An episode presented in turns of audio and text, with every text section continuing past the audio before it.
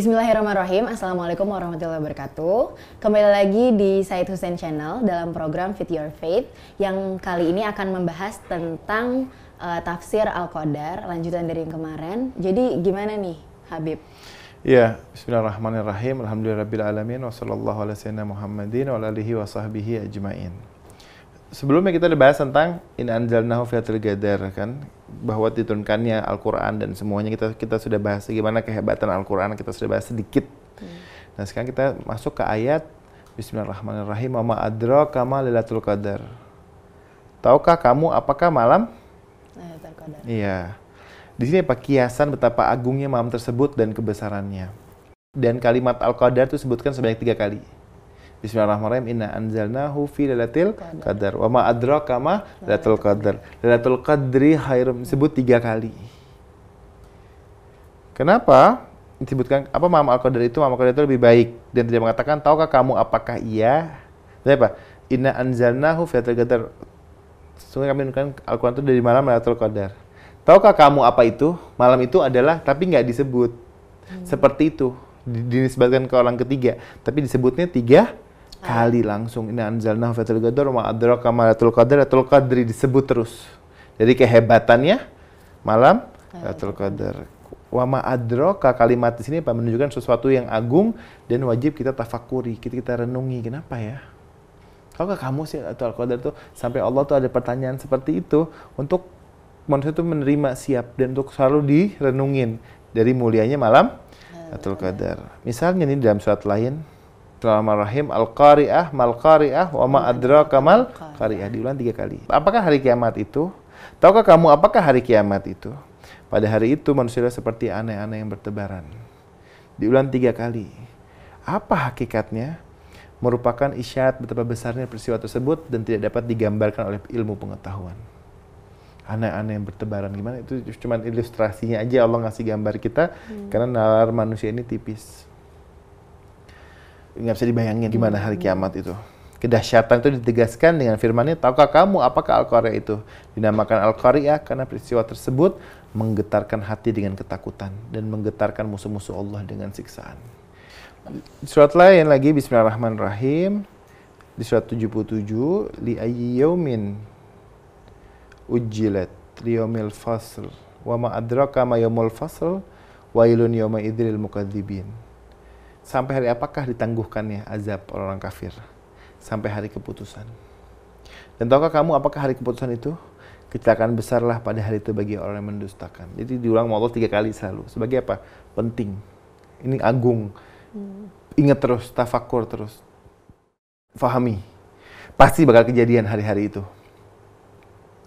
Hari pemisah antara hak dan batil. Memisahkan barisan mukminin dari orang-orang kafir. Orang yang baik dari orang fasik Hari hukuman mutlak Allah untuk semua orang.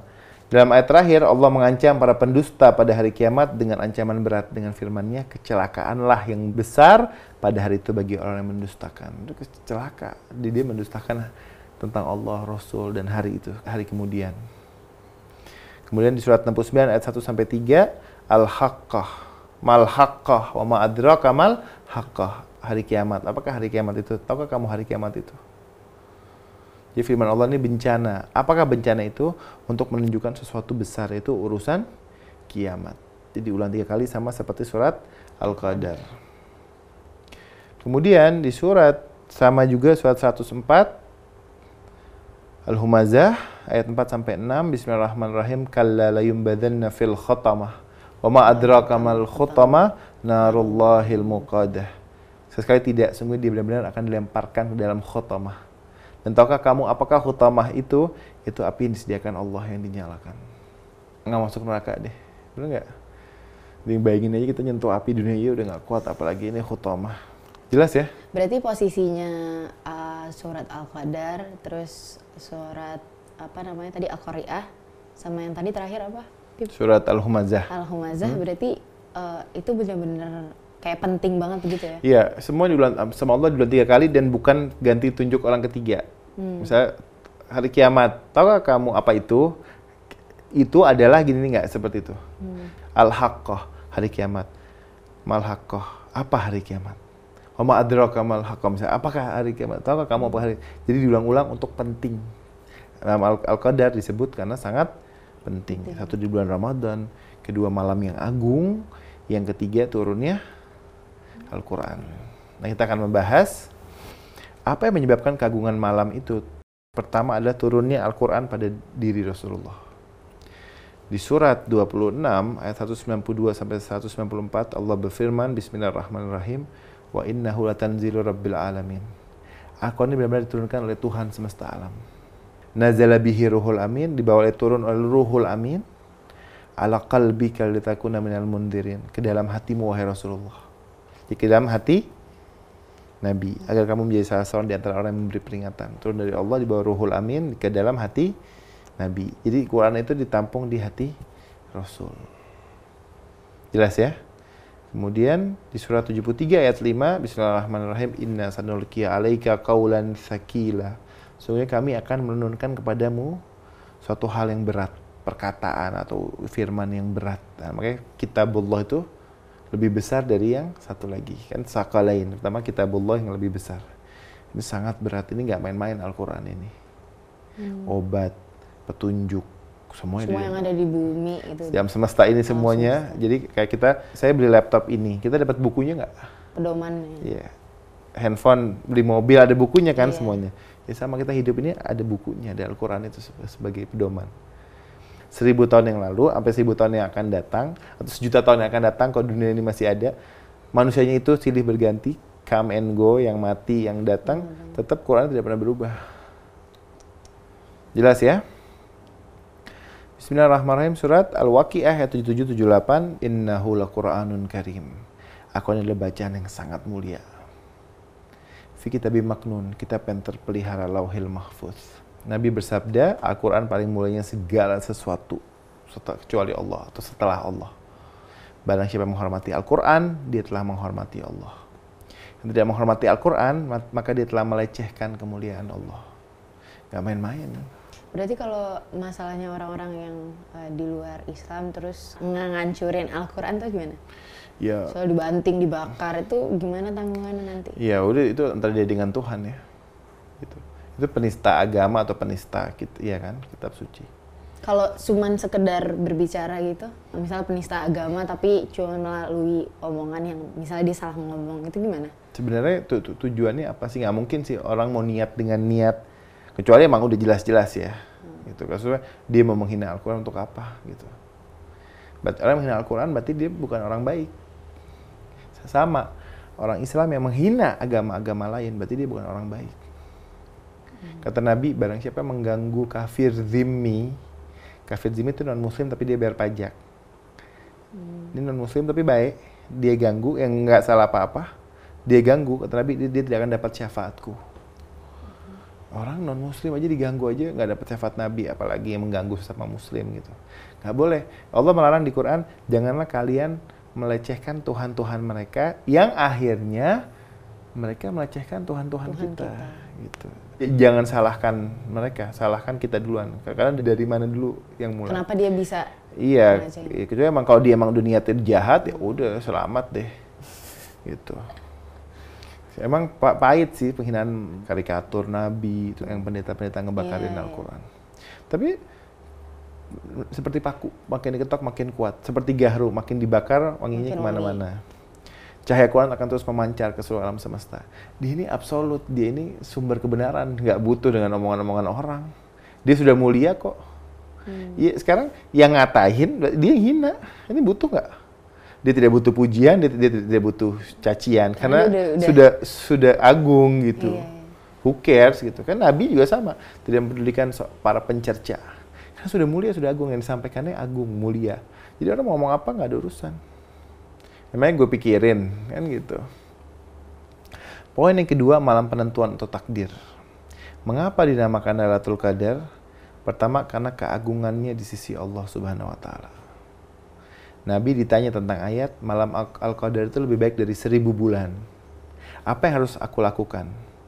Nabi menjawab mengerjakan amal soleh pada malam itu seperti sholat, sholat wajib, sholat sunnah, zakat dan segala macam amal baik adalah lebih baik daripada amal-amal yang dilakukan pada seribu bulan yang di dalamnya tidak terdapat malam al-qadar. Difahami nggak? Hmm. Misalnya apa? Dia beramal di, di malam itu lebih baik daripada apa? Dia beramal di seribu bulan Yang tanpa ada lagi. tetap ada al-qadarnya. Kalaulah Allah Subhanahu wa taala tidak menyelipat gandakan bagi orang mukmin, niscaya mereka tidak akan tercapai surga. Yang bisa sampai surga dari mahal itu surga, makanya dikasih sama Allah amal-amal soleh yang mengerjakan amal ini pahalanya seperti pahala ini ini ini. ini. Itu yang Nabi itu mengajarkan apa? Itu dikasih sarana buat umat Nabi. Akan tetapi kata Rasul, Allah melipat gandakan kebaikan bagi mereka. Berarti rugi banget dong kalau misalnya kita ngelewatin malam Lailatul Qadar. Kayak udah dikasih hadiah sama Allah tapi kita nggak gunain semaksimal Iya banget, mungkin. rugi banget. Di, kajian makna siam tuh episode sebelumnya tuh Habib bahas sungguh merugi, celaka, nyesel. Orang yang dengan berlalunya bulan Ramadan tapi dosanya nggak diampuni oleh Allah. Dengan semua nafasnya, tasbih, tidurnya, ibadah. Makanya di, di doa perpisahan bulan Ramadan tuh yang diajarkan oleh Rasul itu disebut, Ya Allah, dengan berlalunya bulan ini maka berlalu pula dosa-dosaku ya Allah. Di antara dosa kita dengan Tuhan nol, dosa kita dengan manusia juga nol. Eh, kita- membawa amal apa? Jangankan di akhirat di alam barzah yang menolong kita amal soleh. Ya kan? Ini kita sudah beramal-amal sebanyak-banyaknya. Sudah berlomba-lombalah kamu meraih surga kan Allah suruh kita berlomba bersaing. Ini orang nggak berlomba nyari harta, berlomba maksiat, berlomba zolimin orang, berlomba korupsi. Makanya itu semua hal-hal yang tidak diridhoi oleh Tuhan. Membesarkan yang kecil, mengecilkan yang besar. Ya jelas. Surat Al-Baqarah 14 Allah berfirman Bismillahirrahmanirrahim Am hasibtum Antadkhul jannah Apakah kamu mengira bahwa kamu akan masuk surga? Walamma ya'tikum mathalul ladzina khalau min qablikum massathumul ba'sa wa dharra wa zulzilu hatta yaqula rasul wal ladzina amanu ma'ahu mata nasrullah ala inna nasrullahi qarib. Mereka mengira bahwa kami akan masuk surga. Kamu mengira kamu akan masuk surga, padahal belum datang kepadamu cobaan sebagian orang terdahulu sebelum kamu. Mereka itu akan ditimpa oleh malapetaka, kesengsaraan, digoncangkan dengan bermacam-macam cobaan. Nggak gampang masuk surga itu. Selamat Anda me- me- melewati ini ujian.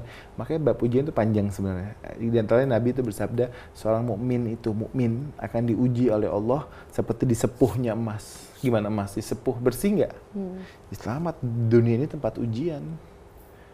Anda mencari dunia, ya dikasih sama Allah. Tapi akhirat nggak dapat apa-apa. Mencari akhirat, dunia dikasih. Tapi mencari akhirat, ujiannya juga sama. Bertambah iman, bertambah ujian.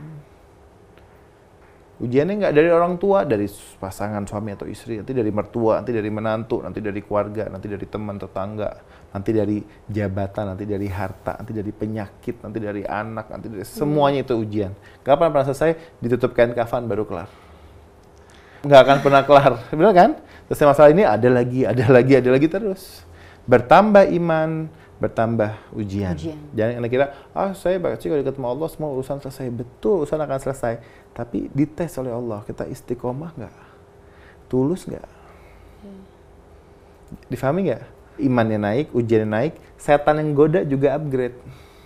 Setan dari kelas teri sama kelas kakap, ya kan? Beda. Setannya mualaf atau setannya non muslim sama setannya nabi yang ngegoda itu ya kelasnya beda gitu. Jadi semuanya upgrade, iman upgrade, semuanya upgrade. Dan ini kan fluktuatif, kita nggak tahu, oh iman ini orang imannya top, dari mana? Banyak sujud, nggak juga. Iblis 6000 tahun ibadah sama Allah. Jadi benar-benar seperti itu. Diuji, ini Allah masih dengan malapetaka, sengsara, semuanya. Supaya apa? Kita tuh nggak stres sebenarnya di muka bumi ini. Dunia tidak akan pernah memberikan 100% apa yang kita inginkan. Difahami nggak? Ada orang yang belum belum berbuat apa-apa, ada harapan belum apa-apa, sudah meninggal. Supaya kita tidak stres dunia ini tidak pernah memberikan 100% apa yang kita inginkan. Kalau misalnya dunia ini memberikan 100% apa yang kita inginkan, apa yang akan terjadi? Ya, orang akan ya semuanya akan di- dikabulkan. Iya. Ya mereka akan betah di di planet ini. Berarti kan gak dikasih sakit, sehat terus, dapat dianggap Tuhan sama orang-orang. ya tapi udahannya gelap. Iya, terus habis itu kan. Makanya apa? Yang Dikasih di- dunia tapi akhirat enggak. Iya gitu ya. jelas. Orang mau dunia, udah dunia, akhiratnya hilang. Difahami? Barang siapa mencari dunia, kami akan berikan dan mereka tidak dirugikan. Kata Allah di surat Yunus tuh, ayat 15. Ayat 16-nya, itulah orang-orang yang tidak memperoleh apa pun kecuali neraka. Dan lenyaplah apa yang mereka kerjakan. Dan sia-sialah apa yang mereka perbuat. Dunia dikasih sempurna, lo mau dunia-dunia tuh. Sampai kata Nabi, kalau dunia ini ada nilainya di sisi Allah, orang kafir pun nggak akan dapat harta sebesar apa pasir. Tapi kan nggak ada nilainya. Sorga, kata Nabi, bersihlah kamu. Be- Bersihlah. Sucikanlah jiwa lahir dan batin. Suruh bersih badan kita, kenapa? Nggak ada masuk dalam sorga kecuali orang yang bersih. Mahal sorga itu. Dengan apa? Ujian, cobaan, malapetaka. Nggak juk-juk simsalabim, ya masuk sorga, sorga neraka, sorga neraka, nggak bisa begitu. Berarti kalau misalnya yang di dunianya sengsara banget, ada kemungkinan besar dia masuk surga dong. Sebenarnya gini, surga dan neraka itu hak prerogatif Allah. Kita nggak bisa kotak-kotakin orang Iya. surga. Kita nggak nggak punya orang dalam. Iya, nggak punya, nggak bisa apa? Kafling Iya. surga siapa nggak nggak tahu itu sudah. Tapi ujian itu itu semua. Makanya para nabi itu dari lahir sampai meninggal bersahabat dengan ujian dan cobaan. Beda. Musuh-musuhnya para nabi seperti Namrud, Fir'aun, mereka hidupnya dikasih sama Allah Enak. Iya enak, tapi pas nanti di sana. Makanya kalau dunia ini dikasih 100% tadi pertanyaannya Mosya, orang akan betah di dunia ini dan akhirnya apa? Berarti tujuan kita hidupkan di dunia. Bukan, bukan seperti itu. Di dunia kita dihidupkan, untuk akhirat kita diciptakan. Tujuan kita untuk ke akhirat. Dunia ini cuma tempat yang lewat. Orang umur berapa sih? 60 tahun, 70 tahun, 80 tahun. Anggap paling lama itu hitungan jari 100 tahun. Di alam barzah yang udah meninggal 1000 tahun yang lalu, ngapain tuh? Iya kan? Jadi Kalau di alam barzah tuh lebih lama dari dunia atau lebih jelas iyalah lebih. Oh, alam barzah itu tidak terikat dengan ruang dan waktu. Dan Habib nggak mau bahas di pembahasan ini. Nanti kita lanjut lagi pembahasan Al-Qadar. Habib kira cukup sampai episode ini dulu deh, segini dulu. Terima kasih Habib tentang penjelasan uh, tafsir Al-Qadar. Semoga ilmunya bermanfaat buat teman-teman yang nonton juga di rumah. Untuk teman-teman, uh, terima kasih sudah menonton uh, Said Hussein Channel. Semoga bermanfaat ilmunya untuk teman-teman semua. Jangan lupa untuk di like, di share, dan juga di subscribe. Bagi yang ingin bertanya bisa langsung aja komen di bawah. Thank you for watching. Wassalamualaikum warahmatullahi wabarakatuh.